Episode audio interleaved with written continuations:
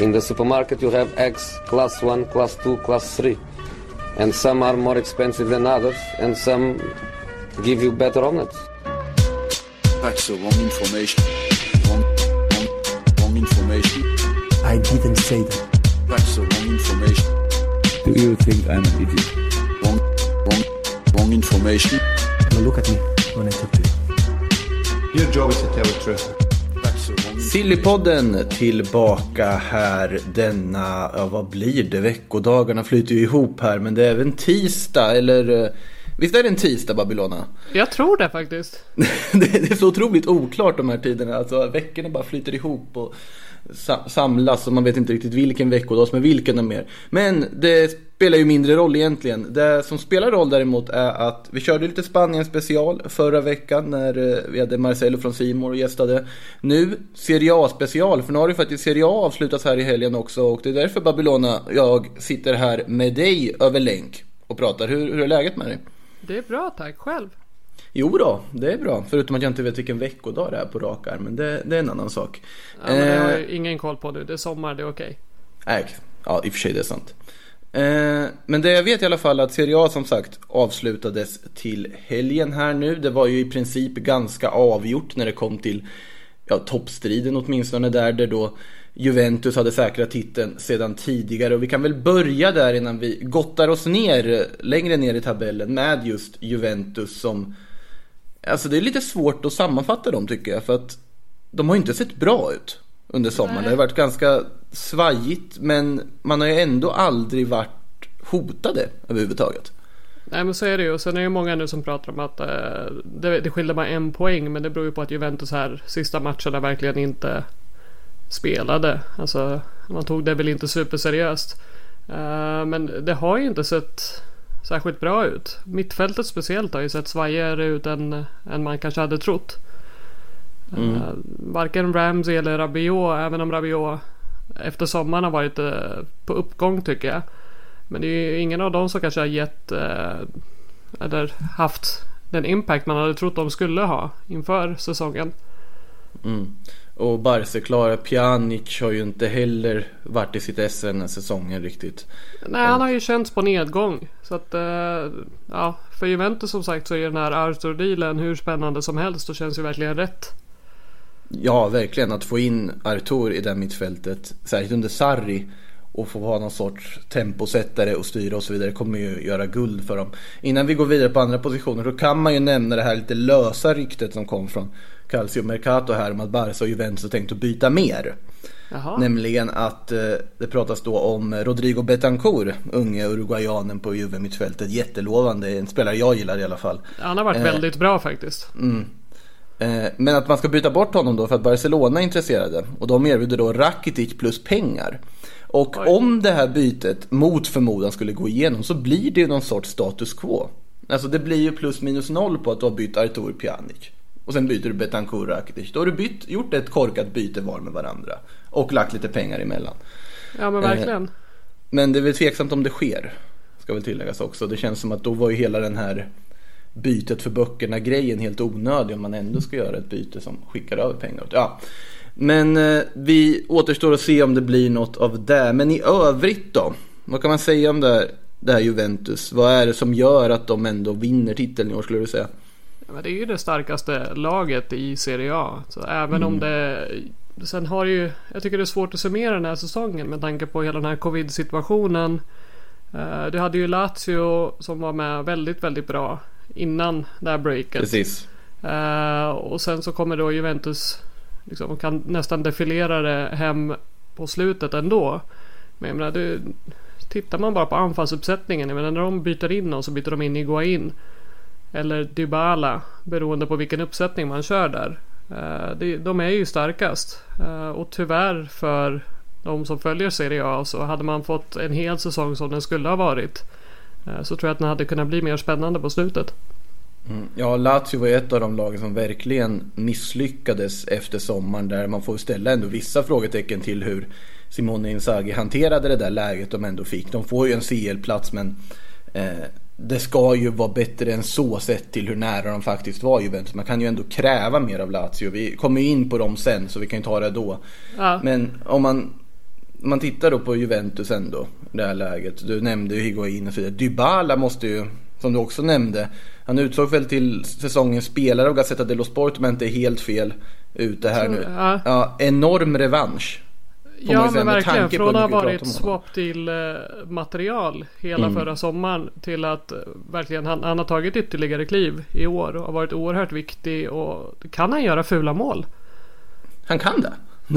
Alltså jag, jag vet inte om han kan det alltså för att det känns som att han bara gör, bara gör snygga mål. Ja, men i princip så, jag tror inte jag har sett ett fult Dybala-mål. Nej jag tror inte jag heller har gjort det. Nej, men han har verkligen, han har imponerat. Tycker jag. Mm. Eh, och sen är ju frågan. Är egentligen Cristiano Ronaldo rätt partner för Dybala? Jag tror att han kanske med en annan typ av forward hade fått ut ännu mer av sitt spel. Mm. Eh, men jag menar det är ju svårt att argumentera för att eh, Ronaldo ska bort. Ja, han levererar ju trots allt fortfarande. Ja, men gud, ge. ja. Eh, även om man en stund under i hösten pratar om men kanske han ändå börjar gå lite ut för Som han har nämnt så många gånger. Varje år och så bara bankar han in 20 Ja, mål till efter det. Ja, det skulle inte förvåna mig om man, man har lite tvivel mot för dem inför Champions League att Ronaldo går upp och gör typ tre hattricks i det här slutspelet i Lissabon och de vinner. Det, det hade ju på något sätt inte förvånat överhuvudtaget. Nej, alltså inte alls. Jag räknar ju med att han kommer vara formidabel mot eh, Lyon här i dagarna. Mm. Så att eh, det är givet nu när folk har gått runt och gnällt och klagat och tyckt att han har sett stabbig ut. Mm. Eh, men det pratas ju likväl om en forward in i Juventus. Mm, mm, för det mesta i alla fall när man tittar på det som då ryktas in och ut. Förutom att Juventus gör ungefär det Barcelona gör i Spanien och ryktas göra swap deals hit och dit. Så pratas det ju om att det ska komma in en centralanfallare. Gonzalo Higuain ryktas ju bort. För att man då ska byta ut honom mot någon Ja, ja, bättre alternativ där framme helt enkelt. Det har pratats om Raúl Jiménez bland annat. Det har pratats om Arkadiusz Milik också. Är det någon särskild forward du skulle vilja se gå till Alltså, jag- Juventus? Eller du jag kanske vill inte vill se jag någon? vill se Milik. Nej, jag skulle vilja se Milik med Sarri igen faktiskt. mm. ja, varför då? Ja men han, eh, Milik i Napoli pre-skador då. eh, var ju oerhört spännande. Eh, Och jag menar. Tror man att knäna är okej och han har ju spelat här sista halvåret och gjort det bra. eh, när han väl lirat så tror jag att eh, jag tror att det är ett väldigt bra köp. Uh, Mångsidig anfallare, kul att kolla på. Eh, ja, som inte fan absolut tråkigt om man går till Napoli för att det är en fin spel, eller till eh, Juventus men uh, vore trevligt. Mm. Säger om Raúl Jiménez då? För där är det ju Juventus och Manchester United främst som det pratats om. Och han har ju varit strålande i Wolverhampton den här säsongen men skulle väl också kosta en slant och ändå kommit upp lite i åren. Får man väl säga, Ja. han är ändå 29. Ja och sen där känns det väl just det här att det är en Premier League-spelare så han kommer väl kräva en lön som kanske inte eh, blir riktigt hållbar för en backup. Du tänker att han skulle vara en backup då? För jag tänker att han går väl in i startelvan. Istället för vem? Men spelar man inte Ronaldo och uh, Jiménez på topp och sen Dybala bakom? Ja i och för sig. Eh, Det vore ju också väldigt, ja jo. den, den kan jag också se, det vore ju också intressant. Jimenez har ju varit väldigt, väldigt bra. Eh, Och sen har jag ju egentligen svårt att tro att United skulle gå efter honom på riktigt. De har en ganska bra forwardsuppsättning. Jag har ju svårt att se det också. Faktiskt. Det känns inte riktigt som att det borde vara prioriteten för dem i alla Det fall. känns ju som att mittfältet borde vara någonting. Och speciellt om de plockar in Sancho också. Mm. Det är väldigt svårt att se det. Får väl se. Jiménez känns som en sån här som kommer att ryktas till lite alla möjliga klubbar men i slutändan händer det inte så mycket. Eh, eller att något lag desperat köper någon sista dagen för att de har misslyckats med andra alternativ. Typ Eh, Arsenal. Ja just det, ja det skulle ju vara något. Det, det hade varit- Aubameyang drar eller någonting och så, så bara rycker man honom. Köper Jiménez. Ja, det hade varit otroligt fascinerande scener att se. Eh, måste ju också nämnas att Dejan Kulusevski är ju faktiskt klar för Juventus också. Så där har vi ju dessutom en offensiv kraft som ska in i det här laget. Mm, Kulusevski har ju, han var ju lite svajig där under våren efter att övergången till Juventus blev klar, vilket man på något sätt kan förstå för en ung spelare som har fått sin drömövergång klar för de pengarna. Att huvudet kanske inte riktigt är på plats, men nu under sommaren så har han ju steppat upp igen. Han har ju varit Ändå. fantastisk. Han har ju definitivt varit ett av utropstecknen i Serie A den här säsongen. Eh, vissa matcher var ju totalt dominant på mittfältet. eh, och mycket mål och... nej det är jätte, jättebra köp av Juventus. Mm. Och en svensk där dessutom. Det ska bli otroligt spännande att se honom i Juventus-tröjan nästa år. Vet du vad jag också tycker ska bli spännande? Vadå? Det, det är att se Atalanta i Champions League nu för att alltså sett, Men när vi har pratat om lag som bara har gått runt och lallat runt här under sommaren, typ Juventus, Lazio och även Inter kan vi räknas in i den kategorin. Ja, Eh, så Atalanta har ju varit helt strålande. ja, det är en maskin. Ja, det är fruktansvärt imponerande sett till att det här var ju en sån otrolig man hade ju sån känsla av Atalanta inför säsongen att ja, men nu gjorde de en sån supersäsong. Det här är ju uppenbart läge där ja, vi kommer inte fixa att hantera CL och ligan samtidigt och droppar ner på typ åttonde, nionde plats eller något. Men, Ja. men som de spelar och som Gasperini fått ihop det där. Eh, jag ser dem som en utan tvekan en outsider till att ta hem hela Champions League-slutspelet. Jag är helt enig där. Eh, väldigt, väldigt spännande att se den. Eh, om, man, om man får det att fastna nu. Nu senaste matchen mot Inter så såg de inte bra ut. Men det kan också vara att man har lagt om träningen en del här. Eh, För att ha lite extra krut där i Champions League. Och sen eh, när man är utan Ilicic. Ja, lär väl också ha påverkat laget en del internt. Ja, Ilicic ska ju nämnas där. Ni, man kanske har undrat om man tittar på Atalanta nu under slutet här av seriesäsongen. Men vart är Josip Ilicic? Som gjorde fyra mål på Valencia i åttondelsfinalen och Champions League och var så fantastiskt bra och viktig för det här Atalanta. Han uppges ju vara hemma i Slovenien med ja, och lider av depression om man ska tro Gazzetta dello Sport och andra italienska medier. Att hela den här coronapandemisituationen och alltihopa har påverkat Ilicic så pass mycket att han inte ens är säker om han någonsin kommer kunna komma tillbaka och spela fotboll igen. Och det är en Ja, otroligt alltså har tragisk historia om det stämmer.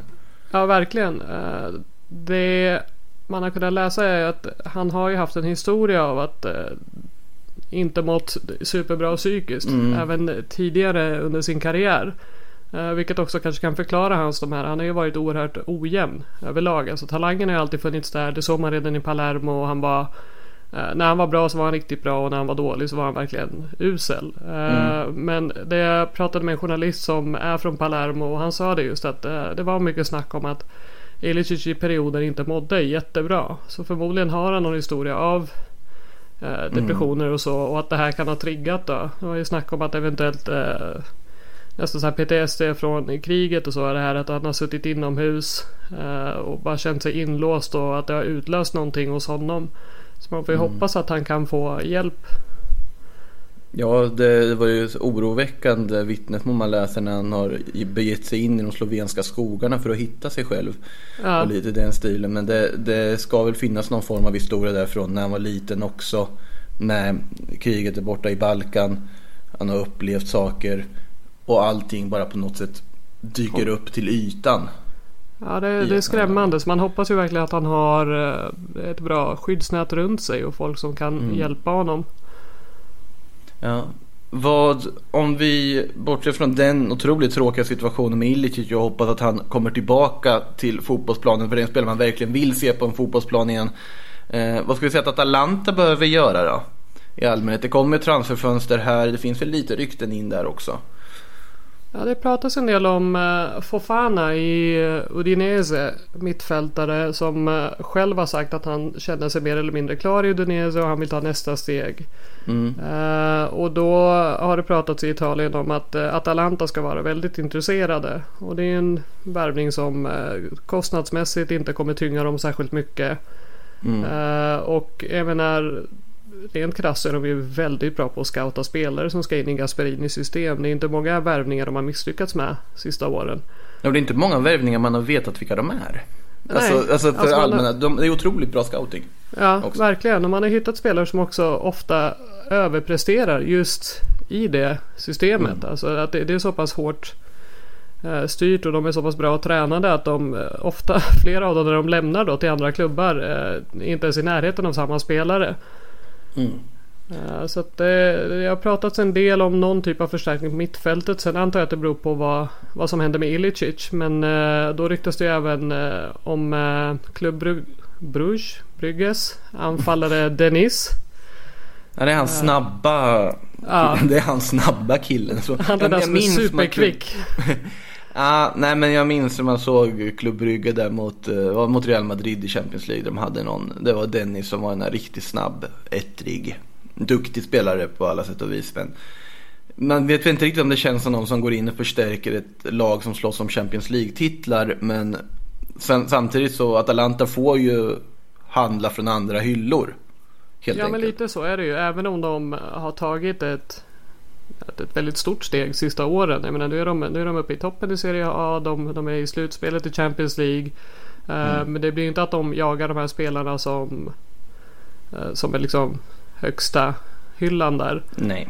Eh, men jag menar Atalanta gjorde ju 98 mål i ligan i år. Så det, de, är, de är bra framåt. Man har en spelare som Moriel att kasta in då och då.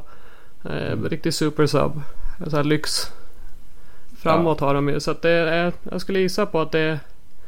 Där får man ju se lite grann vilka spelare som skulle försvinna därifrån. Ja, precis. Eh, Gosens är en spelare som har ryktats bort ganska mycket, vänsteryttern. Hatteborg pratas det om varenda, ja, varenda transferfönster, högerbacken, att han ska vara aktuell för någon annan klubb också. Eh, Det är väl skönt för dem att Papu Gomez inte pratar så mycket, för han har ju kommit så pass mycket till åren och trivs så pass bra där borta. Så att han verkar ju förvånansvärt lite rykten om ändå. Ja men nu är det väl ingen som... Jag tror inte han själv vill flytta på sig längre Nej. heller. Det hade varit läge för en fyra år sedan kanske. Men Precis. eh, nu är han ju klubbikon. Ja, Nej, det, är, det är vackert. Det är också en sån här spelare man verkligen gillar, Papu Gomez. Eh, om inte annat för musikvideon som är helt fantastisk. eh, Baila como el Papu. Ja. Men eh, medan Atalanta då dansar vidare, de ska ju dansa in där i Champions League och möta Paris Saint-Germain i sin kvartsfinal. Otroligt spännande matchup där tycker jag, med sett till att Paris kanske inte är helt matchtränade heller efter att ligan ställdes in. Nu har de fått spela lite cupfinaler och dylikt men ingen Mbappé heller vad det verkar. Så Nej. att det, det kan bli en riktigt ohygglig upplevelse för eh, Paris då i den matchen kan tänkas. Det vore ju rätt magiskt om ett Atalanta slår ut miljardbygget Paris. Ja, ja. Alltså, Så det, man, man sitter ju och håller en tumme för att de faktiskt lyckas gå hela vägen också. Om inte annat för staden Bergamo med tanke på allt som hände.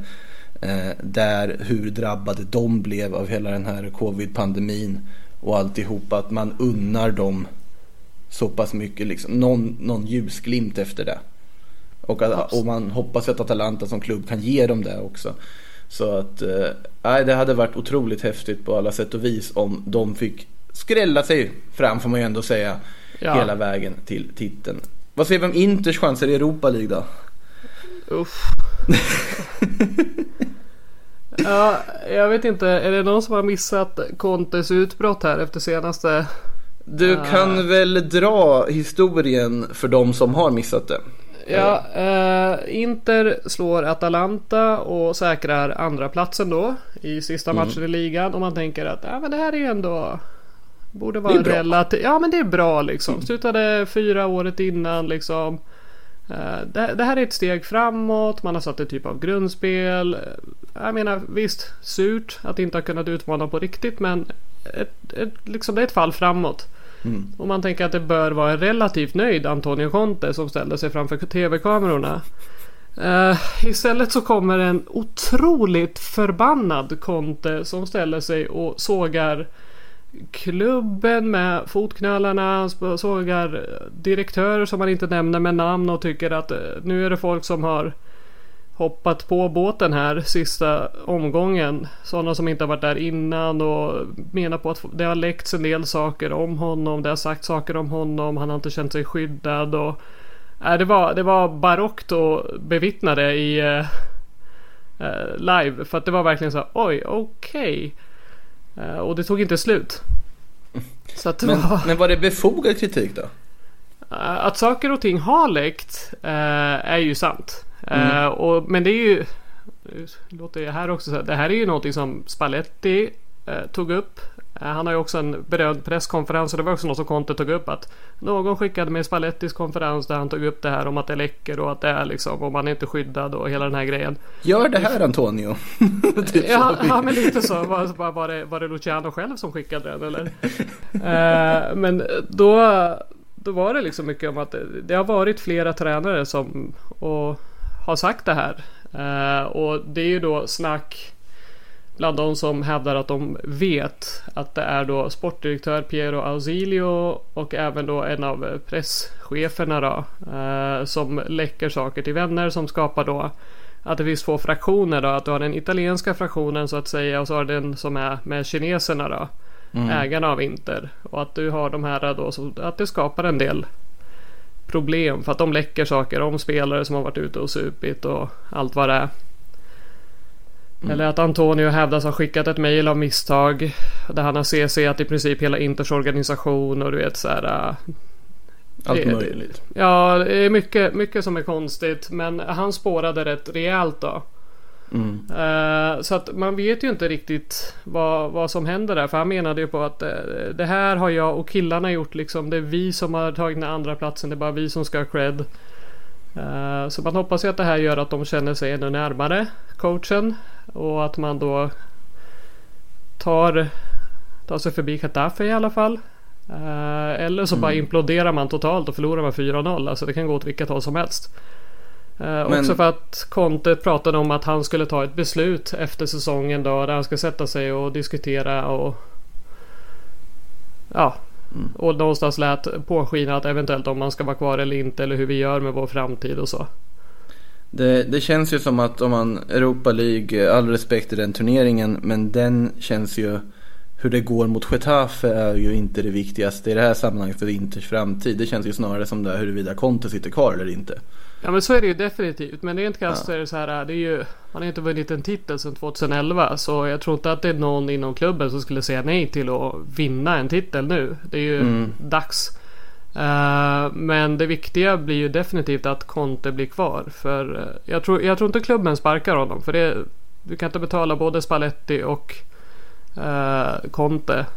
Och vem ska du ta in nu när det bara är Ja det är drygt en månad till säsongen kickar igång igen. Ja, men det är ju en otroligt svår fråga. Alltså, det pratas ju alltid om Allegri. Men det, det gör det ju oavsett vilken italiensk klubb som blir av med tränare så kommer det pratas om Allegri så länge han inte har en, har en annan post. Eh, I det här fallet så det hade ju känts ju som att det hade varit en mardrömssituation för ett Inter som ändå på något sätt verkar vara tillbaks. Det finns ju någon form av ljusglimt. Som sagt, det är en andra plats. Det såg inte bra ut under sommaren. Det var katastrofalt stundtals. Men det är en andra plats, en poäng bakom Juventus. Det finns ju någonting att bygga på här. Och det... Ja men så är det ju. Nu har man ju lagt en grund. Sen som sagt absolut. Det såg inte bra ut. Eh, truppen är ju inte. det- saknas ju bredd och en del spets då. För jag menar det du får slänga in från bänken är sällan bra. Eh, och det är också någonting som han har haft synpunkter på. Att han ville väldigt gärna ha in Vidal. Han vill inte ha Eriksen. Uh, Conte ville ha Dzeko. Vill inte lira med Esposito. Eh, så att absolut. Eh, men det vore ju en Allegri in nu vore inte bra för någon tror jag. Nej, det, det känns ju som att där får man väl hoppas för Inters skull att de löser det här lilla ja, gurglet om man får kalla det där mellan tränare och ledning och alla möjliga parter och att eh, man inte ser för många människor i diverse mail. Eh, men alltså om man tittar på liksom transferfönstret som väntar här då. Det pratas ju väldigt mycket just nu om att eh, man närmar sig någon form av permanent deal för Alexis Sanchez som då ska bryta sitt kontrakt med United och gå till Inter gratis för att United skulle tjäna mer pengar på det än att typ sälja eller låna ut honom. Ja. Det känns väl spontant som en deal som ändå är ganska bra för Inter, eller? Ja, alltså nu när han har fått vara skadefri så har ju han sett ut som en fotbollsspelare igen rent krasst. Alltså det är ju, han tillför ju något som de andra kanske inte har. Det är kvickhet, det är fantasi. Eh, hade väl gärna sett att han var något mer målfarlig. Men jag menar, eh, det är ju en klassspelare när han är fit och på spelhumör. Och han själv säger ju att han har återfunnit glädjen och allt vad det är.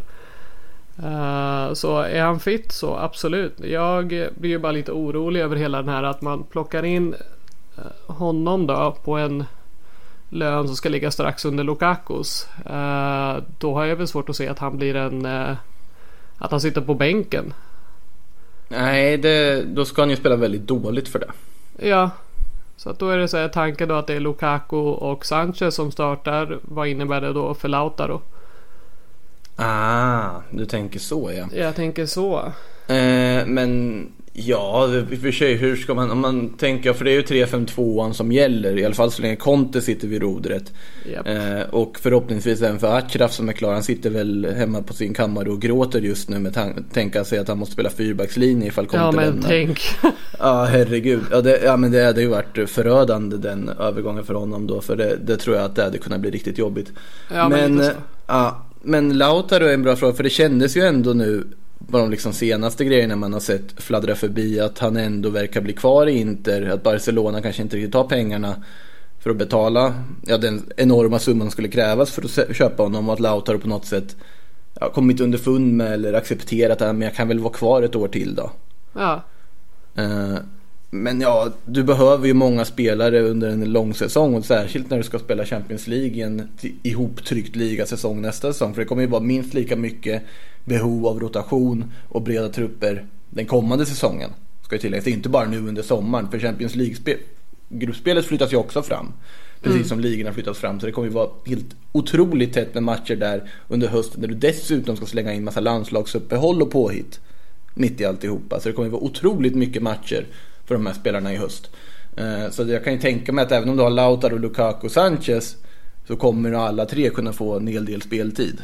Ja men det tror jag definitivt. Också för att ett av de stora problemen i år har ju varit just att det inte har funnits några alternativ. Med tanke på att eh, Sanchez var skadad väldigt länge. Ja, precis. Eh, Ska vi slänga in Messi där också då? Den är, det ju, den är det ju ingen som tror på någonstans. Den är, det är en ohållbar ur alla möjliga sätt. Men den dyker ändå alltid upp. Den, den finns alltid där och, och svajar någonstans där liksom i horisonten. Att den, ja men det, det kan bli Inter typ så. Men nej den, den kan vi väl. Ja, det ska väldigt, väldigt mycket till. Kan vi ju konstatera. Och, och hur ska de göra då med Lautaro? Det, den Ja, de, de får gå åt varsitt håll då liksom. Så. Då är det Lautaro som sitter och gråter på sin kammare i Barcelona Exakt, han inte får lira med Messi ändå. Ja, det, det, många förlorare är där ifall det skulle ske. Nej, det, den stänger vi nog även denna sommar. Eh, Lazio då? Vi nämnde de tidigare där att det känns ju som att ja, nu Ciro Immobile får ösa in mål och vinner guldskor och grejer. Men i övrigt om man tittar på sommaren, de var ju så pass nära att hota Juventus. Men ändå fallerar får man ju ändå säga. Ja men så är det ju. Men det man ska komma ihåg då är att eh, Lazio innan det här breaket fick spela en match i veckan, kunde förbereda sig eh, och liksom på något sätt ta hand om spelarna på ett annat sätt. Det var inte lika slitsamt eftersom man inte spelade i, i Europacuperna och så. Eh, nu efteråt när det har varit match var tredje dag så har det ju kommit skador, det har varit svårare och då har man kanske sett att bredden inte har varit tillräcklig. Eh, Och då, och då har det ju blivit mycket tuffare. Ja, nej, men de har ju inte jättemycket bredd. Det är ju alltså startelvan med eh, Alberto och Sergej och Den är ju dunder. vad Det är riktigt fina. Cherby som eh, basar över den backlinjen Mm. och så. Alltså det, det är väldigt fint. Det, de spelar bra, otroligt samspelta nu efter flera år med Inzaghi. Eh, men eh, när du då behöver plocka in andra och då inte bara en eller två matcher. Då, då blir det tufft. Och det är ju slitsamt på många av spelarna. att spela så här tätt som man har behövt göra efter fyra månader hemma också. Mm. Ja, och det känns ju då med det i åtanke att Lazio kan behöva göra saker i det här transferfönstret särskilt när man nu ska spela Champions League också när vi, som jag nämnde nyss, det kommer fortfarande vara ett tajt matchschema. Eh, vad pratas det om? Det är väl mest försvarare det pratas om va? Ja, det har varit mycket prat om eh, Kumula som har varit eh, väldigt, väldigt bra i eh, Hellas Verona. Eh, de, överlag har de ju haft ett av ligans bästa. Alltså de har släppt in väldigt lite mål. Mm. Eh, och just Kumbola verkar vara någon som många klubbar är ute efter. Eh, så det blir intressant att se var han hamnar. Men eh, var också en sydkoreansk back som Gazettan skrev om igår. Kim Min Jae. Som är ett smeknamn som är monstret. Eh, och, jag menar det är ju magiskt. Ta in honom bara. Eh, ska tydligen vara 190 cm lång och spela oerhört aggressivt. Åh, som gör då att han eh, Herregud. kallas monstret. Eh, vad heter det? Ja, man tänker ju på Sydkorea 2002. I den där Italien-matchen i VM. Åttondelen. På tal om att spela aggressivt. Eh, herregud, där, där smällde det. Det kunde varit många röda kort. ja. Ja. det kunde varit många röda kort som delades ut i den matchen. Eh, nu var det väl så att domaren kanske inte var så angelägen om att dela ut röda kort i Sydkorea i den matchen. Men det är en helt Nej. annan, helt annan historia eh, om det här VMet. Men ja, det om man, ja, nu vet jag, ska jag ärligt talat säga att jag har faktiskt inte koll på Kim Min Jae just. Men eh, det låter ju skräckinjagande, absolut. Det gör det. Ja, jag röstar ju på den. Det vore ju eh, bara på grund av smeknamnet ska tilläggas. Jag kan inte säga att jag följer den sydkoreanska ligan. Ja, det är direkt från Sydkoreanska ligan han skulle komma. Ja, var, jag tror att det var det jag läste i alla fall i Gazettan. Eh, Men det, de hade just att de skrev mycket om hur stor och stark han är och aggro. Finns förut en Kim Min Jae som också är eh, sydkoreansk skådespelare. Det var den första som dök upp när man Jaha. sökte på det här. Beijing Guan spelar han för. Den fotbollsspelaren Kim Min Jae då. I, okej. Och eh, landslagsback i Sydkorea. Han ser ju lite skräckinjagande ut när man ser. Tydligen ska Tottenham vara intresserade av honom också ser man på. Jaha. Eh, I alla fall enligt de här klassiska YouTube-videor som brukar dyka upp på Welcome to bla bla bla. och sen. Det brukar ju alltid komma sådana så fort det är någon spelare som ryktas. Ja, de är snabba hit eller dit. faktiskt. Ja, de är ju det. Jag vet, undrar hur många visningar sådana här filmer får om folk tror på dem också. Eh, men innan vi lämnar Lazio måste det nämnas David Silva också. För där har det faktiskt pratat ganska mycket om att det kan bli att Lazio kan vara aktuellt för då Manchester Citys eh, helt briljante mittfältare då som ska lämna. Eh, men jag funderar på vart ska de få plats med honom? Ska de avlasta honom med Luis Alberto eller ska de låta de två göra lite vad de vill där på mittfält framför Sergej eller? Men där pratade vi också om att man behövde bredd. Och jag menar, du kan ju inte få mer klass än David Silva. Eh, och det är många som pratar om åldern hit och dit. Men jag menar, om han håller i Premier League så håller han i Serie A. Trots att han är Utan 35. tvekan. Eh, och då tänk att kunna lira honom då när det är tajt spelschema. Och att kunna rotera dem när det behövs. Ja fast skulle han gå med på att åka och bara roteras i Lazio? Så jag tror ju att även om man skulle gå med på det så med tanke på den klassen han har så blir han väl en starter oavsett. Ja. Och Luis Alberto är ju för bra för att rotera. Ja, så är det ju. Så att det blir intressant att se i så fall vad eh, Inzaghi skulle hitta på. Sen eh, vill man ju... eh, Det här är ju varje år sitter man ju och väntar på kommer någon buda på Sergej. Ja precis, det, det kommer väl något sånt. Han kommer ju ryktas till United minst en gång i det här fönstret. Ja men lite så. Det känns ju som det. Det har varit lite för mycket snack om det alla andra år. Så att det lär väl komma även nu. Och sen får vi City-ryktet efter det. Det kommer ju också dyka upp att han ska dit Ja och sen börjar det snackas igen om. Milan. Att Elliot ska plocka in honom. Och... När Milan plötsligt får någon sorts eh, ja, kick där och plötsligt kopplas ihop med oj, jaha, Milan, kan de värva sådana spelare? Och sen kommer det sluta med att Sergej sitter kvar där. Exakt. Det, det, det är precis så, vi, vet, vi har ju varit med för länge. Eh, det, man tittar på andra namn som ryktas in till Milan. Borja Majoral har ju nämnts och har gjort det ganska bra i Levante där på lån från Real Madrid. Rodrigo De Paul i Udinese, Fofana i Udinese nämns ju även här också. Känns ju båda som kloka truppbreddarvärvningar på något sätt. Rodrigo De Paul, Det Paul är ju bra. ja, men inte nödvändigtvis någon som måste gå in och ta en startplats heller. Ja, Eller kanske, åh. det kanske han gör alltså. Tror du inte det? Ja, Det beror i och för sig på vad de har resten på mitten sen. Jag är lite skadad av min bild från Rodrigo De Paul i Valencia. Ja, i Udinese har han gjort många det år bra. sedan. Ja. Så att, ja, precis. Ja, men det har man ju förstått att han har gjort det väldigt bra i Udinese. Många som har gjort det bra i Udinese för övrigt också. Eh, ja, vad finns det mer? Alla möjliga namn i alla fall som ryktas till Lazio. Sedvanligt. Och, eh, men Niglitare där sköter ju det där skeppet ganska väl. Så att det känns ju som att det som kommer in, det kommer vara väl scoutat. Och det kommer att ha en tanke bakom det som kommer in. Eh, I alla han är fall. också väldigt bra på att hitta spelare som i princip ingen annan hört talas om heller. Alltså, Ja, man brukar vara bra att plocka in dem tidigt. Och, Ja. och så ger man dem en säsong där de lite grann får spela in sig långsamt och sen säsongen efter så uh, totaldominerar de plötsligt. Ja, men det är en värvning som jag minns som Lazio har gjort de senaste åren som jag tyckte men det här är en klockren värvning som, som man får för ett superpris. Det var ju när de värvade Durmisi från Betis. Ja. Eh, vänsterbacken var strålande i Betis och man hittar honom för en billig peng. Bara, ah, perfekt. Lite så. Eh, så där, de, de sköter ju väl så där kan man ändå vara lugn på att det kommer att byggas ett ganska bra lag i Lazio. Får se om det är tillräckligt bra för att hota om titeln även nästa säsong dock. Eh, Milan. Där eh, är väl det mesta handlar väl just nu om Zlatans vara eller icke vara som mer och mer verkar bli ett vara.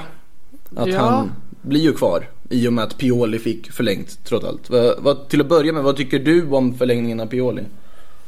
Ja, men alltså jag kan ju förstå att man, som sagt med tanke på hur kort sommaruppehåll det blir. eh, Det är ju knappt ett uppehåll här. Så förstår jag att man inte plockar in Ragnik. För att det, det vore ju riskabelt. Eh, när du bara har, har ett par veckor till nästa säsong. Ska du då ha en helt annan typ av filosofi. Han vill eh, ha in andra typer av spelare. Vill inte ha Zlatan. eh, och då när Pioli och Zlatan har eh, vi får ge dem båda två cred där. De har ju vänt på det väldigt bra här efter uh, uppehållet.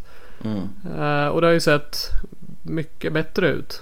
Så att jag, menar, jag kan ju förstå att man eh, inte gör sig av med Pioli nu.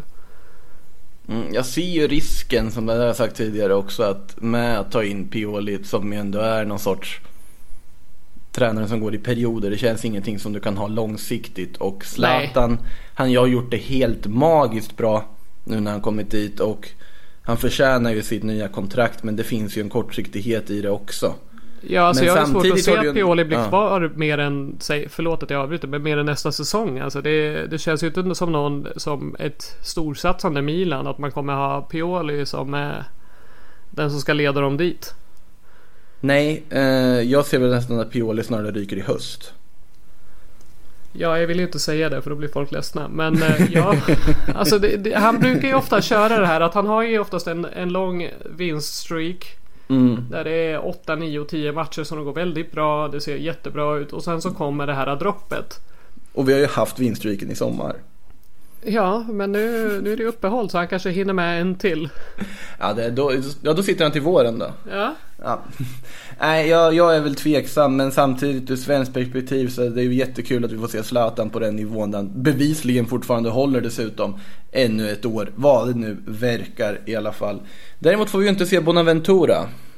nej, han, Eh. hans kontrakt går ju ut nu. Så Ja, otroligt eh, så här, vad ska man säga, smärtframkallande bilder där man ser honom sitta ensam på den här tomma arenan efter sin sista match på något sätt. Du har säkert sett bilden också. Ja, ja nej, men det var, alltså, det var fint men samtidigt väldigt sorgligt också Ja, men att han precis. inte kan tackas av på, på riktigt av publiken som eh, Han är ju populär ändå. På- Han hade ju verkligen fått ett ordentligt avtackande. Ja, så det, det är tråkigt för att det här är någon som också verkligen har Milan i hjärtat. Mm. Eh, så man hade ju velat se ett, ett annat avtackande. Och det, det, det var ju sorgligt verkligen att se honom sitta där alldeles själv. Vad, vad tänker vi annars då? Nu lämnar ju han bland annat som sagt. Eh, vad ryktas in i Milan? Alltså det ryktas om en del eh, mittfältare att man letar någonting där. Eh, pratas om att man ska ha Paketa verkar eh, som att han kommer skeppas i någon typ av swap deal. Så mycket snack om att han ska inkluderas i det ena och det andra. Mm. Ehm, och sen som skulle jag gissa då att man, man har ju Theo Hernandez på ena kanten. Man vill väl ha någon även på den andra. Uh, av det som mycket rykten om yttrar Mm. och mittfältare. Men det, det verkar inte vara något mer. Det är ju Fofana, det är uh, De Paul som har pratats om. Uh, sen är väl uh, det här namnet som jag inte ens vågar uttala. Spolozlaj. Ah, just också- det. Har, uh, ungraren ja, precis. Ja, så honom har det också pratat om. Så att det verkar ju vara tydligt att man är ute efter någonting på mitten. Mm. Eh, och det behövs ju också, inte minst numeriskt om Bonaventura lämnar. eh, om man gör sig av med Paketa i någon typ av swap deal. Att man inte orkar vänta där helt enkelt. Nej. Det har ju pratats lite om att Benazer kan vara på väg ut men det känns också som sånt där som bara dök upp för att han har gjort en fin säsong. Det känns Ja, inte jag tror han blir kvar. Riktigt. Ja, just nu känns det väl inte som att City eller någon klubb kommer punga ut de pengarna som krävs för honom. Så att det verkar väl som att man får behålla honom och då har du ju en säkert kort på mitten. Rade Kronic vet jag inte, han kom ju in förra säsongen men har väl inte riktigt lyft. Men där Nej. finns det ju också en viss potential, eller sparkapital också. Eh, ja, det finns ju allt möjligt men det, det känns ju som Milan funkar som de gör så behöver de ju inte de behöver inte bygga om hela laget åtminstone så länge Pioli ska sitta kvar och så länge Zlatan styr i omklädningsrummet. Nu när Leao också levererar dessutom framåt och Rebic. Så Ja. att det, det finns ju ändå att jobba med där just nu.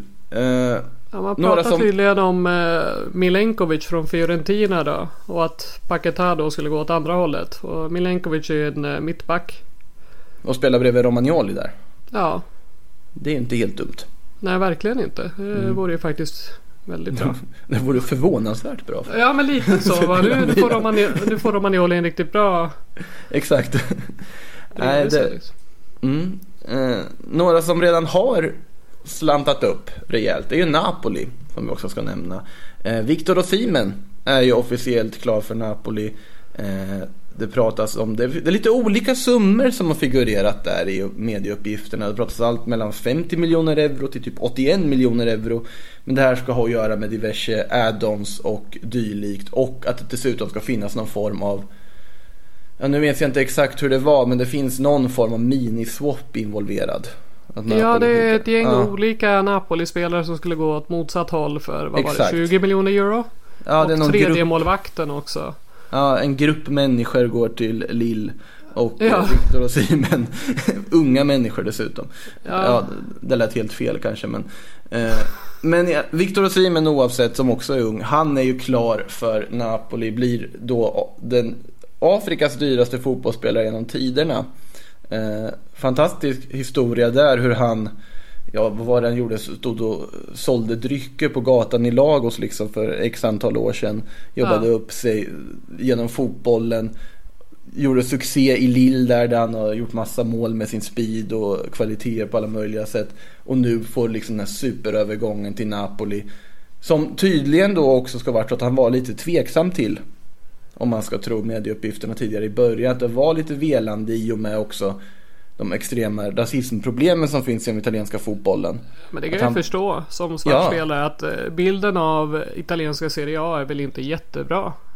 Nej, av förklarliga skäl. Sett Nej, till... eh, så att jag kan absolut förstå det och då gå till eh, Ja men Koulibaly drabbades ju i Napoli. Mm. Det är flera som har gjort det eh, av spelarna i Serie A då. Även Lukaku och sådär. Så jag kan absolut förstå att man som svart spelare kanske väljer en annan liga. Om man har likvärdiga alternativ liksom. Eh, Det ska ju varit just Koulibaly som också varit delaktig i att ändå övertala Osimhen att komma dit. Vilket vi också kan då tolkas på en del som att ja men Kalidou Koulibaly blir kvar. Han skulle inte sitta och hålla på och liksom övertala spelare och skriva på för Napoli om inte han hade fullt intresse av att vara kvar i Napoli. Det vore ju inte minst väldigt drygt om man faktiskt övertalar spelare att ta sig dit och sen drar. Ja, särskilt när det handlar om något sånt här liksom. Ja, nej, men jag är klar nu. Hej då. Jag kommer vara här som stöd till det, så drar han. Nej, men Victor Osimhen känns ju som en fantastisk värvning måste jag säga. Hur Napoli spelar. Eh, Mertens kommer till åren, likaså Insigne. Att ha då Osimhen som ett alternativ där framme. Osimhen, Insigne, Mertens. Det, det kommer gå undan Ja. när de sätter fart. Eh, däremot verkar Callejon, eller Callejon kommer ju lämna, det står ju redan klart. Ja, hans kontrakt förlängs ju inte här. Nej, han vill ju hem till Spanien också, har Ja. det sagt. Så då är det frågan vilken av, vilka kan det vara? Sevilla, Valencia, Villarreal känns väl som de tre obvious alternativen som skulle kunna dyka upp för honom. Det Typ. känns ju så. Mm. Eh, men är det något annat man kan säga om Napoli? Det pratas lite om Allan också va? Ja, och där har det ju varit, jag menar, han har ju efter uh, den här dealen med PSG som inte gick igenom och så, alltså har han ju, han ju underpresterat. Det har inte alls varit samma spelare. Eh, så att det, det, har ju börjat ryktas om honom igen då. Och det är ju också olika eventuella swap deals. Jag misstänker att det blir mycket sånt i sommar med tanke på hur Ja. klubbkassorna ser ut för många. Eh, så att uh, Allan pratas det om att han eventuellt är på väg ut liksom med Milik då såklart. Eh, om vi går vidare till Roma. Där har vi också, man glömmer bort Roma lite känns det som. Det är Ja, men lite så. som- ja, ja, det är konstigt ändå, det brukar man inte göra. Men där har vi ju haft, eh, Fonseca har ju haft sin första säsong här som tränare. Eh, svårbedömt tycker jag. Alltså, Jag tycker nog att de har gjort det rätt bra faktiskt. Alltså jag tycker Fonseca... Att han har ändå fått... Han har satt sin prägel på laget nu. Eh, och och jag, jag vet inte, det är väl honom man ska ge cred men jag menar, han fick ju Smalling att se ut som en riktigt, riktigt bra back också. I Ja, det verkligen. låga försvarsspelet. Uh, mittfältet som liksom har skyddat väldigt bra. Eh, så att jag... Ja, jag måste ge dem cred. De eh, hade väl hoppats att de kanske skulle utmana längre in på säsongen. Att man skulle vara med tätare toppen Mm. om en Champions League-plats. För nu var man ju ändå defilerade. ja. Men ja. Och det är väl Ändå lite s- där jag känner att man inte riktigt vet hur man ska placera dem. För att Roma ska ju, alltså deras ambitioner måste ju vara att ändå slåss med ja, typ Lazio, Inter, Napoli, Milan om Alltså man ska slåss om. Champions League i alla Ja. fall. Det ska man göra och jag tycker att man borde kommit lite närmare. Eh, Mm. Att man kommer så pass nära som man gör nu beror ju på att Lazio inte var bra här efter omstarten. Ja men verkligen, det är ju så. För att de, de var ju kölhalade ganska tidigt där. Eh, så det är därför, det, där kommer det ju säkert också att gå komma både spelare ut och in under den sommaren. Dessutom så är det väl inte helt, det är ju inte som att vad heter det, amerikanska ägarskapet och sportsliga ledningen där kanske går ut och käkar middag tillsammans för tillfället. För de har lite interna stridigheter där också utan att gå in allt för nära på det. Eh, men det vi kan säga däremot är att Chris Smalling kommer ju inte spela Europa League mot Sevilla i alla fall. Nej, han... gick ju ut med det på Twitter Mm. själv va? Precis, och det intressanta här är ju att då är det United som har satt stopp för att förlänga lånet över Europa League. Eh, det gör man då med Roma som är på Uniteds sida av slutspelsträdet i Ja. Europa League. Däremot så kommer Alexis Sanchez få spela Europa League med Inter för de kan först mötas i en final. Exakt, och där är det väl också det här faktum att man verkligen vill slippa Alexis. Eh, Ja, eller snarare man vill, man, ja, man vill bli av med Löneposten Alexis. i alla fall. Ja, inte slippa Alexis som motståndare utan nu menar du slippa Alexis i sin egen trupp. Exakt, att eh, Ja. man vill inte behöva betala honom längre så att eh, det är väl mera den. Och man vill inte möta Chris Smalling. Inte ens ha risk att möta Chris Smalling som är bra. Det, det är också något man inte vill ställa Ja men det är också det så här, kan du tänka dig hur sociala medier hade, det hade varit härdsmälta om Chris Smalling glider in och dominerar mot Greenwood och company. Herregud. ja, det, det hade varit något. Eh, samtidigt där så Pedro verkar ju mer eller mindre klar att komma in. Eh, han kanske till och med officiellt bekräftad, det vet jag inte. Men det Jag tror inte pratas. man har gått ut med det, har man det? Man har inte gått ut med det än va? Jag tror inte det. Nej, det, det stämmer nog. Det, det, man blir blind av alla dessa diverse så kallade trovärdiga Ja, men det har pratats om det så länge så att eh, man Ja. tänker att det kanske borde vara. Men jag tror inte jag har sett att det är officiellt än. Nej, han har haft vissa skadeproblem dock som gör att han ändå är borta här till en början om han skulle dyka upp. Men det känns ju ändå som en så här. Det är väl en ganska vettig förstärkning. Det är en bra fotbollsspelare liksom. Ja men det tycker jag. Och han, jag menar, han har ju varit med och vunnit en hel del. eh, Bidrar ju med vinnarmentalitet och så också. Lite trött förstärkning, men den, den är ändå... det finns ändå något i den. Det är en, som sagt en väldigt duktig fotbollsspelare när han är som bäst. Ja men så det Eh. handlar ju också om att man får ju ta in att klubbkassorna ser ut som de gör. Eh, För Ja, många av italienska, alltså att många av klubbarna i Italien har ju inte de här jättebudgeterna att handla för. Och speciellt inte om man missat Champions League ett par år i rad. Eh, Så jag kan ju absolut förstå att eh, Roma går för den. Mm. Och det är väl lite med det i åtanke som jag aldrig la någon större värdering eller fundering kring Il Romanistas uppgifter om att eh, Sead Haksabanovic från IFK Norrköping erbjudits för 75 miljoner kronor. För det känns inte som någonting Roma skulle göra att betala 75 miljoner kronor för en spelare i Allsvenskan i det här läget. Eh, Men man vet ju aldrig, konstiga saker har ju hänt. Eh, Alltså jag såg att det var en arabisk shejk som eh, skrev på Twitter om att han har lagt ett bud på Roma. Så att, eh, för några dagar sedan, en vecka sedan. Ja, så att man, som sagt, konstigare saker har ju hänt. Ja, jag tror att då är det väl kanske spelare från en annan hylla som man tittar på främst om en arabisk shejk skulle gå in med massa pengar i Roma än allsvenskan. Ja. Inte, inget ont om Sead här nu, han är ju en av allsvenskans bästa spelare. Men likväl. Eh, innan vi kilar vidare och tittar lite kort på annat än Serie A. Det finns ju lite som faktiskt har hänt sen vi spelade in senast som ändå behöver nämnas. Eh, så kan vi titta på övriga klubbar längre ner i tabellen. Vi kan konstatera att Lecce, Brescia och Spal gjort sitt i Serie A för den här gången. Åker ur. Spal var ju i princip utslagna i höstas redan kändes det som. Ja, Men Brescia var ju inte nära. Brescia var inte heller nära. Lecce har ju varit och tampat runt det där strecket hela säsongen men faller lite på målsnöret där också. Det är väl inga direkta överraskningar där. Spal Nej, hade ju- man ju sina ju farhågor för innan. Ja. Ja. Eh, Eh, och sen eh, Brescia stackarna hade ju problemen där att eh, Liksom att det är stor hype kring Tonali och allt det här och så Balotelli in och så kaosade han även där och eh, Lite Mm. tråkigt. Ja. Eh, några andra negativa överraskningar då är snarare Torino är ju en negativ överraskning att de är så långt ner som de är. Där ska ju vara en klubb som har ambitioner att vara på den övre halvan med Belotti. Dra Belotti nu till att börja med. Det börjar väl bli dags va?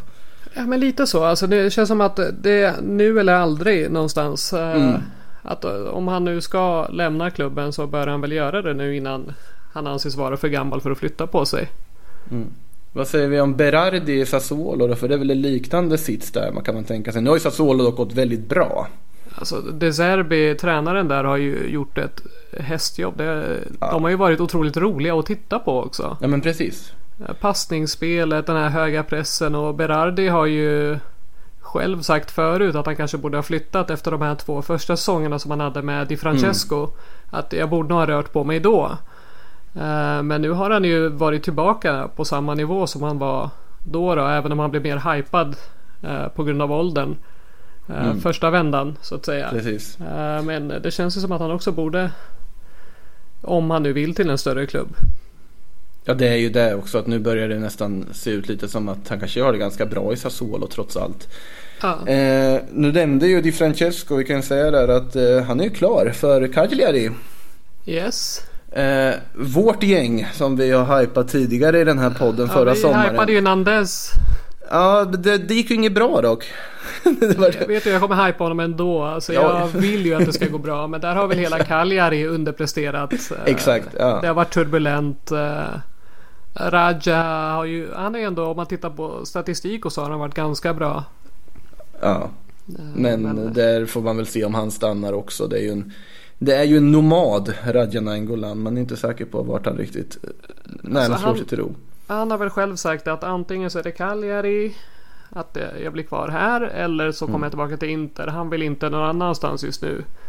Eh, han, då ska jag komma ihåg att han sitter på ett väldigt lukrativt kontrakt med Inter. Så frågan är ju eh, hur, hur man ska hantera den saken. För att det är väldigt få klubbar då i Serie A i alla fall som har råd att betala den lönen. Men eh, vi kan väl i alla fall nu när Di är klar för Cagliari åtminstone sitta och småhypa dem ännu en gång inför nästa säsong. För det Ja men det tycker jag ju. Det. Fatta 4-3-3 nästa säsong. Och då kanske med Berardi då att han rör sig däråt då och, och hittar DJ igen. Finns det något sånt eh, surr? Nej, men jag lanserar den nu. du, du, du lyfter den. Jag, lyfter, Eh. jag tänker att han och Nandes. Ja, det, det, det hade man inte sagt nej till. Eh, Patrik Bränning på föräldraledigheten sitter och kvider när han lyssnar på det här avsnittet när vi börjar prata Cagliari. Bara. Cagliari. Ja, vackert. Däremot kanske han blir gladare av att höra att Balotelli är på väg till Rumänien. Det känns ju mer så här Sillypodden kompatibel grej. Eh, det sägs i alla fall i rumänsk media att CFR Cluj kan bli Balotellis nästa anhalt och då, det är väl något sätt spiken i kistan för den karriären. Inget illa menat om Cluj men då är han ju på väg utför. Ja men så är det ju. Eh, eh, det är ju så tråkigt med Balotelli för han pikade verkligen när han var 19. Ja. Lite som. Michael Owen var jag nära på att säga. Men det, men det, Ja, Michael Owen höll väl ändå lite längre.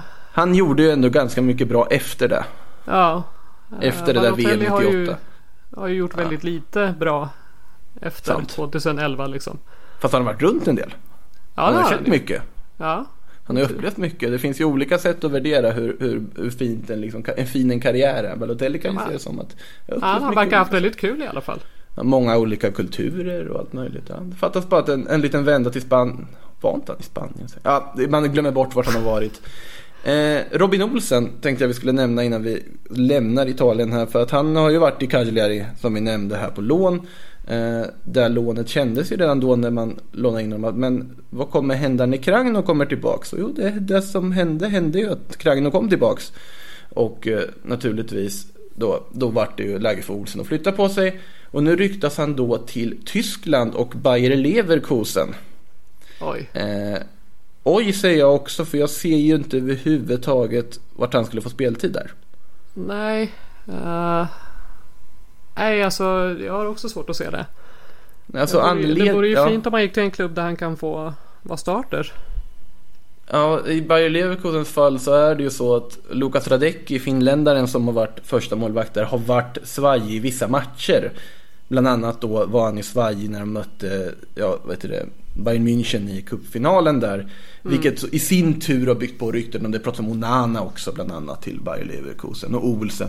Men om man lyssnar på vad sportchefen och sånt säger att men vad håller ni på att prata om? Radecki är vår första målvakt. Och han har ju varit väldigt bra tidigare förutom de här små fadäserna han har haft i vissa matcher. Så att det känns ju ändå som att de kommer inte röra på honom. Och absolut så kommer inte Robin Olsen in och petar Radecki.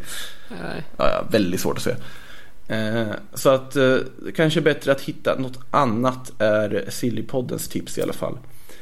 Ska också tilläggas nu innan vi lämnar så att officiell ny säsongstart är klart också för Serie A 19 september så det är inte mycket vila vi får innan vi igång. Nej, igen. för jag menar Europa League också om, spela, alltså om lagen går långt. Europa League och Champions League. Det slutar väl där kring den 20 augusti däromkring. Ja, precis. Och sen ska det handla spelare och sen ska det spelas försäsongsmatcher. Och försäsongstränas och allt vad det är. Så det, Ja, det känns ju som att de lagen med bredast trupp är ju definitivt Ja, de är ju mm. stora fördelar fördel. nästa år. Ja. de har en fördel nästa år. Eh, innan vi kilar upp lite lyssnarfrågor så måste vi väl nämna att det har utvecklat sig i den här Manchester United-jakten på Jadon Sancho. Det är väl det största som har hänt här sedan vi spelade in Sillypodden senast. Att då det har kommit uppgifter om att United och Sancho i princip ska vara överens om ett femårigt avtal. Alltså de personliga avtalen. Och att samtidigt då förhandlingarna med Dortmund ska ha fortskridit. Det är, Dortmund sätter ju fortfarande, ja men det är 120 miljoner euro eller så skiter ni i det innan 10 Ja. augusti. Men att man då ändå har öppnat för att det här är ju en summa som skulle kunna betalas av i olika instanser och att det nödvändigtvis kanske inte behöver vara cash på bordet, vilket i sin tur då att de börjar närma sig varandra i alla fall. Det känns väl som att den här dealen ändå kommer bli av eller? ja, men efter så här lång tid och Ja, jo, men det känns ju som att den kommer ju ske. Frågan är bara vilken dag de tillkännager den liksom. Mm. Ja, de måste ju komma helt överens om övergångssumman och allt först Ja. också. Och hur många år den ska betalas av på. allt. Exakt. Men det känns ju som för alla parter så borde det vara positivt att få det klart så fort som möjligt i alla fall. Så att Sancho får tid att akklimatisera sig till United.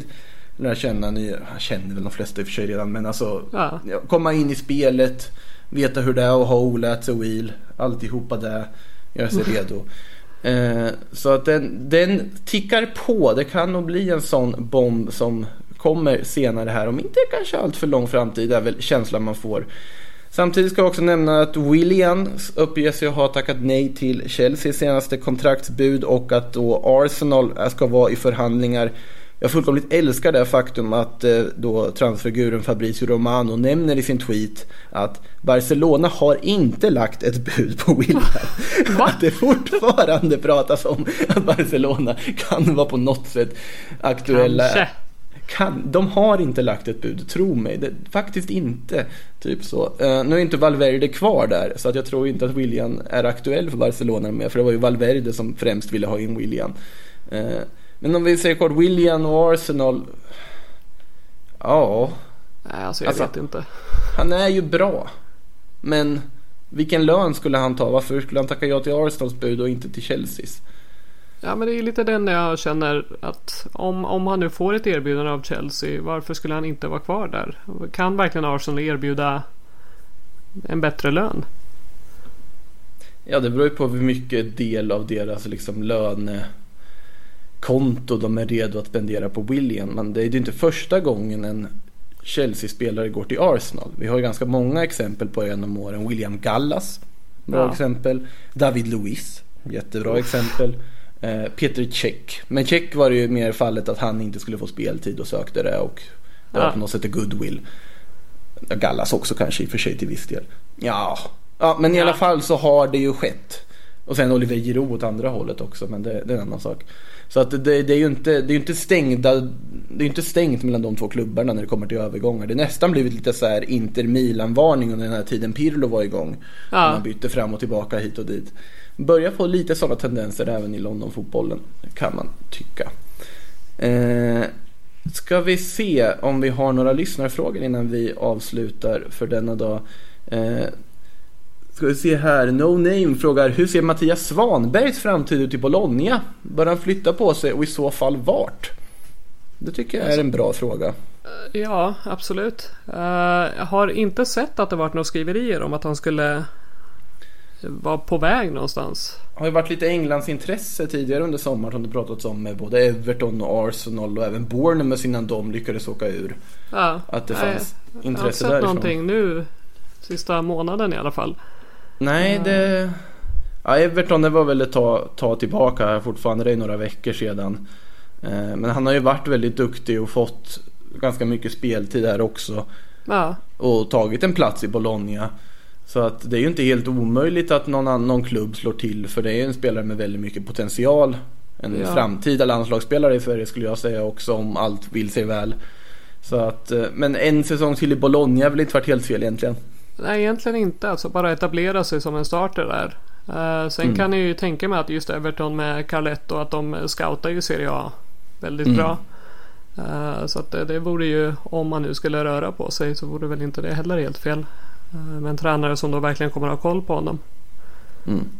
Eh, Patrik säger man hoppas ju verkligen på dessa rykten om David Silva till Lazio. Är själv skeptisk, vad tror ni? Ja, det gick vi ju in på att vi är väl inte så skeptiska på Silva som spelare hade ju dominerat, men det är ju frågan vart han får plats i truppen. Han frågar också då, kan Roma hålla i Saniolo? Blir en spännande Mercato ändå. Blir det absolut. Eh, Saniolo har ju...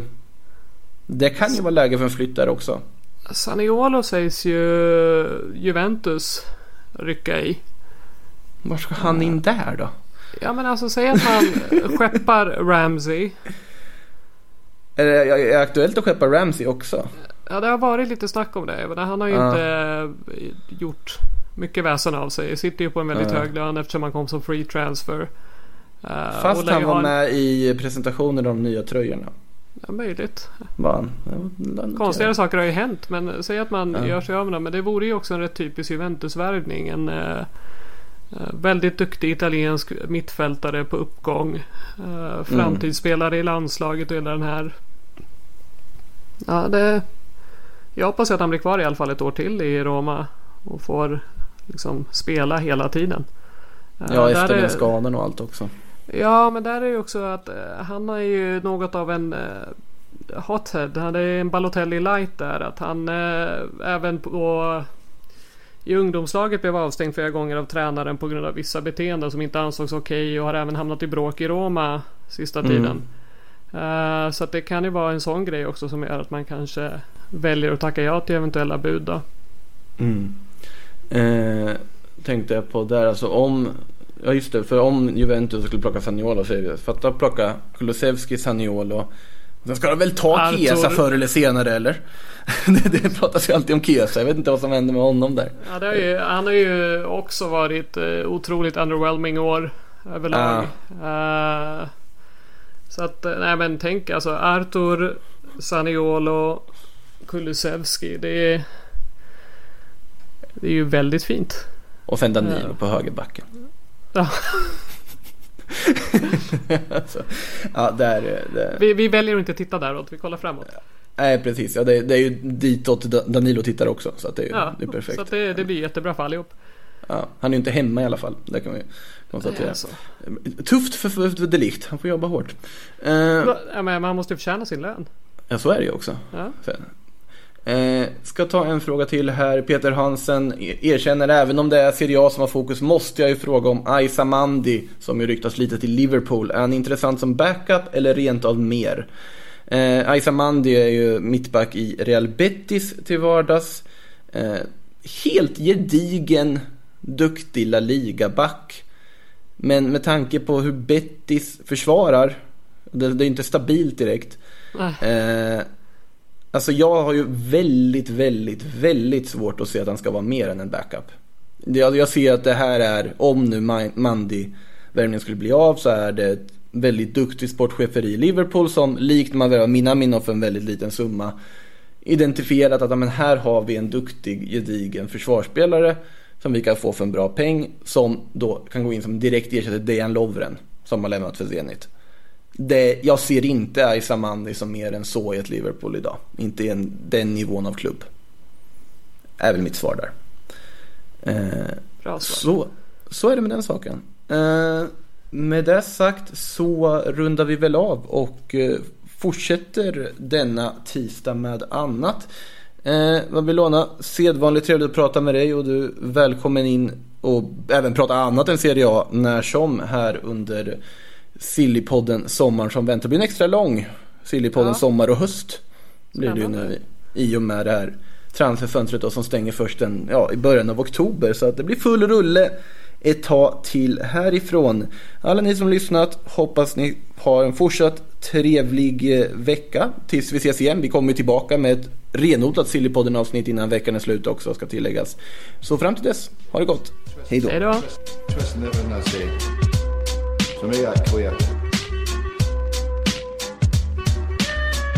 No eggs, no honey. För mig är queer. That's the wrong information. Wrong, wrong, wrong information. I didn't say that. That's the wrong information. Do you think I'm an idiot?